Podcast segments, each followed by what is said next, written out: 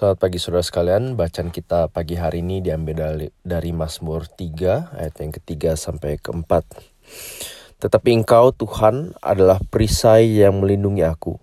Engkaulah kemuliaanku dan yang mengangkat kepalaku. Dengan nyaring aku berseru kepada Tuhan dan ia menjawab aku dari gunungnya yang kudus.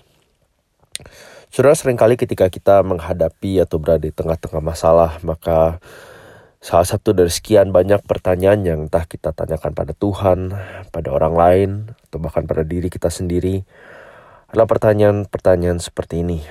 Di mana Tuhan di tengah semua ini? Apakah dia betul-betul mengasihi aku? Apakah dia betul-betul Allah yang peduli?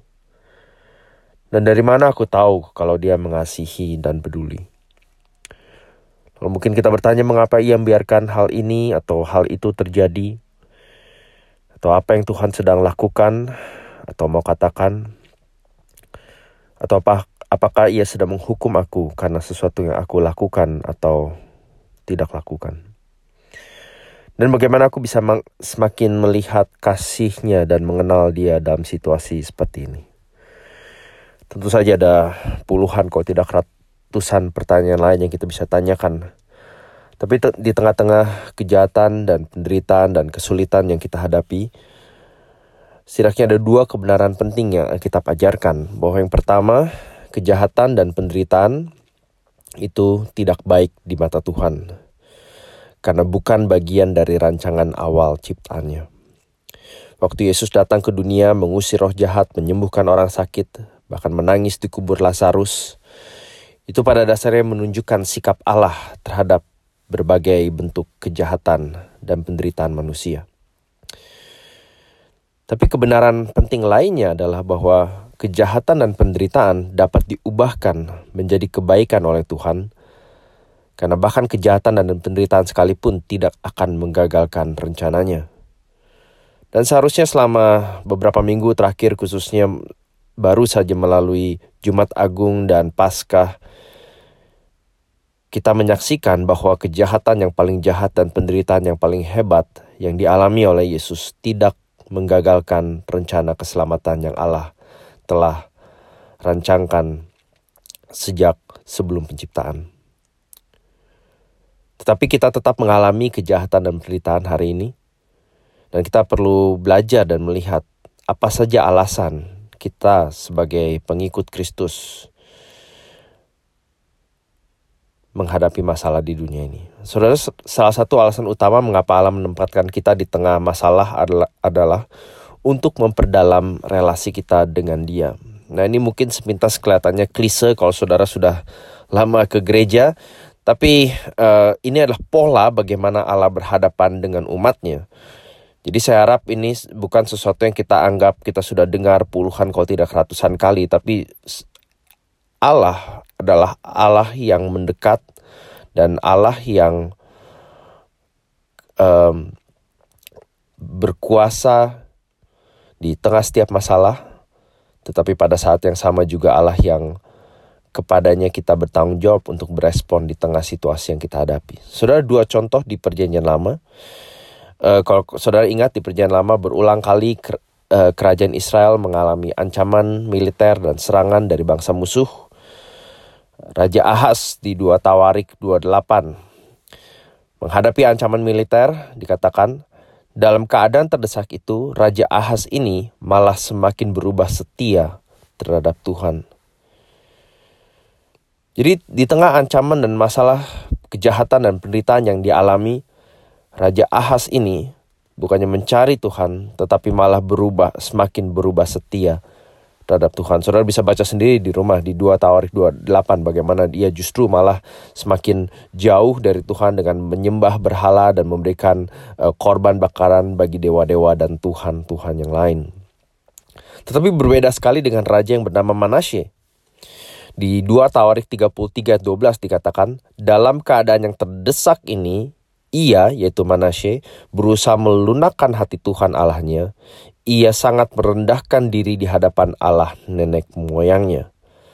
Masalah yang sama, respon yang begitu berbeda. Manasye bukannya berubah semakin uh, semakin jauh dari Tuhan seperti Raja As, Has, tapi di sini dikatakan ia berusaha melunakkan hati Tuhan Allahnya. Ini adalah istilah perjanjian lama untuk pada dasarnya mengatakan di dalam keadaan terdesak ia mencari wajah Tuhan. Di dalam keadaan terdesak ia berusaha berusaha membuat Tuhan senang atau atau terjemahan lain mengatakan dia memohon dengan sangat agar Allah berbaik kepadanya. Dia menyadari ke keberdosaannya, ketidakberdayaannya, ketidakmampuannya dan ketidaktahuannya akan segala sesuatu dan ia merendahkan diri di hadapan Allahnya.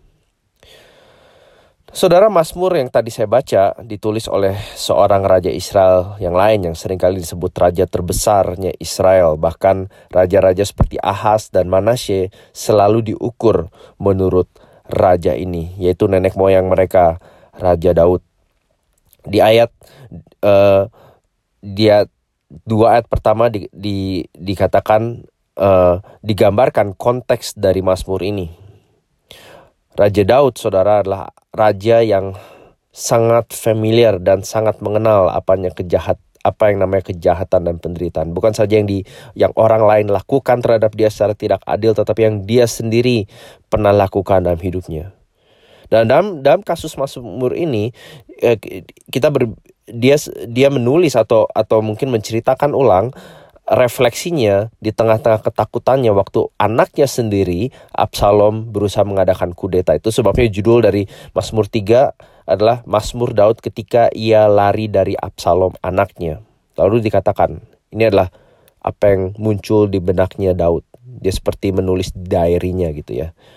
Ya Tuhan betapa banyaknya lawanku banyak orang yang bangkit menyerang aku. Banyak orang yang berkata tentang aku, baginya tidak ada pertolongan daripada Allah. Saudara bayangkan dan pikirkan tekanan, stres, mungkin poin di mana Daud merasa depresi. Sehingga tiga kali dia mengulang kata banyak, banyak, banyak. Belum lagi di garis bawahi mungkin dari sekian banyak hal yang orang katakan tentang dia, ini ini ini kata-kata yang buat uh, bagi Daud itu sepertinya menghantui dan kalau kita tulis di Word itu sepertinya di bold dan besar-besar. Baginya tidak ada pertolongan daripada Allah. Bagi siapa? Bagi Daud.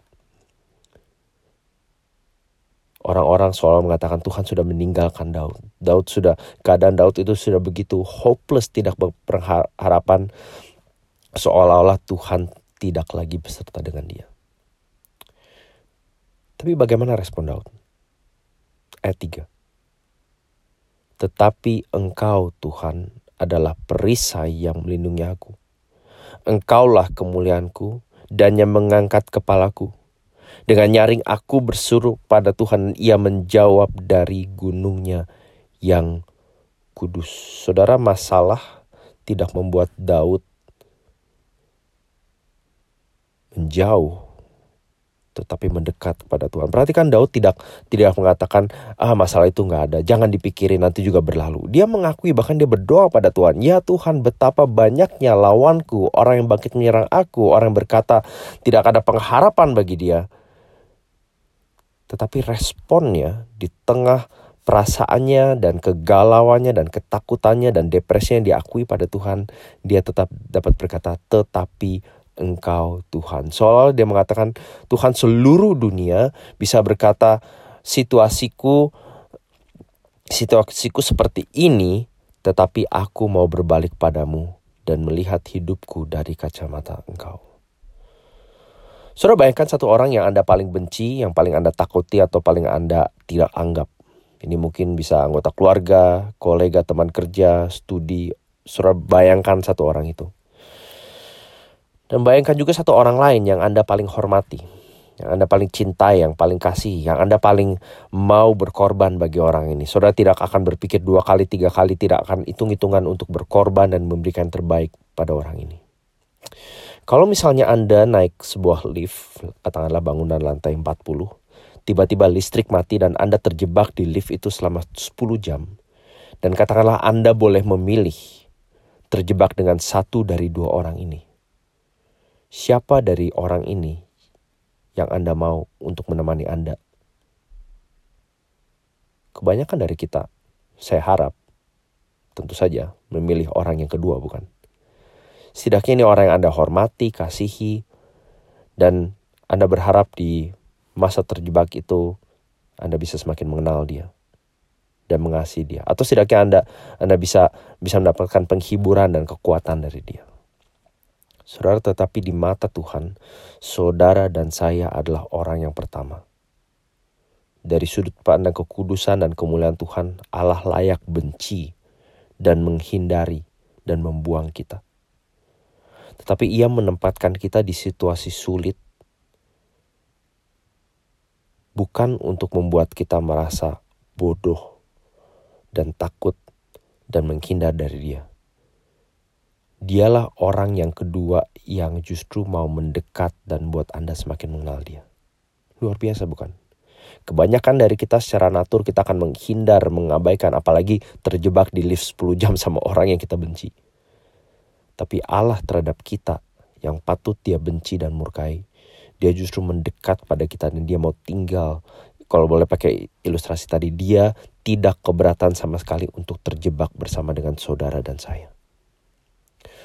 Saudara, hanya di dalam Kristus kita tahu bahwa kita punya Allah di tengah masalah. Bukan hanya untuk membuat masalah kita selesai atau hilang, tetapi untuk menarik kita semakin mengenal Dia, semakin bersandar dan mengasihi Dia.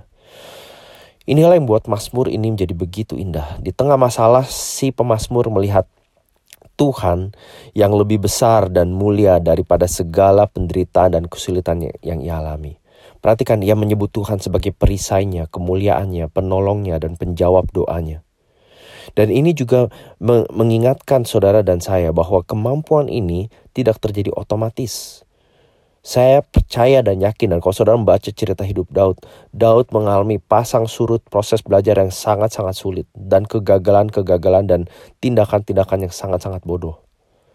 Dan ini sekali lagi mengingatkan saudara dan saya bahwa kemampuan untuk melihat Tuhan seperti ini adalah suatu proses. Dan Allah justru mau memakai kita, maaf, Allah mau memakai masalah demi masalah kita untuk melihat dia semakin jelas. Jadi saudara bisa lihat masalah demi masalah yang kita alami adalah semacam kelasnya Allah untuk mengajar kita semakin melihat Itu sebabnya saudara, mari kita datang pada Yesus. Kita akui mas bukan saja masalah kita seperti Daud. Katakan pada dia betapa banyak masalahku Tuhan. Tetapi kita juga harus mengakui cara kita yang selama ini salah dalam berespon.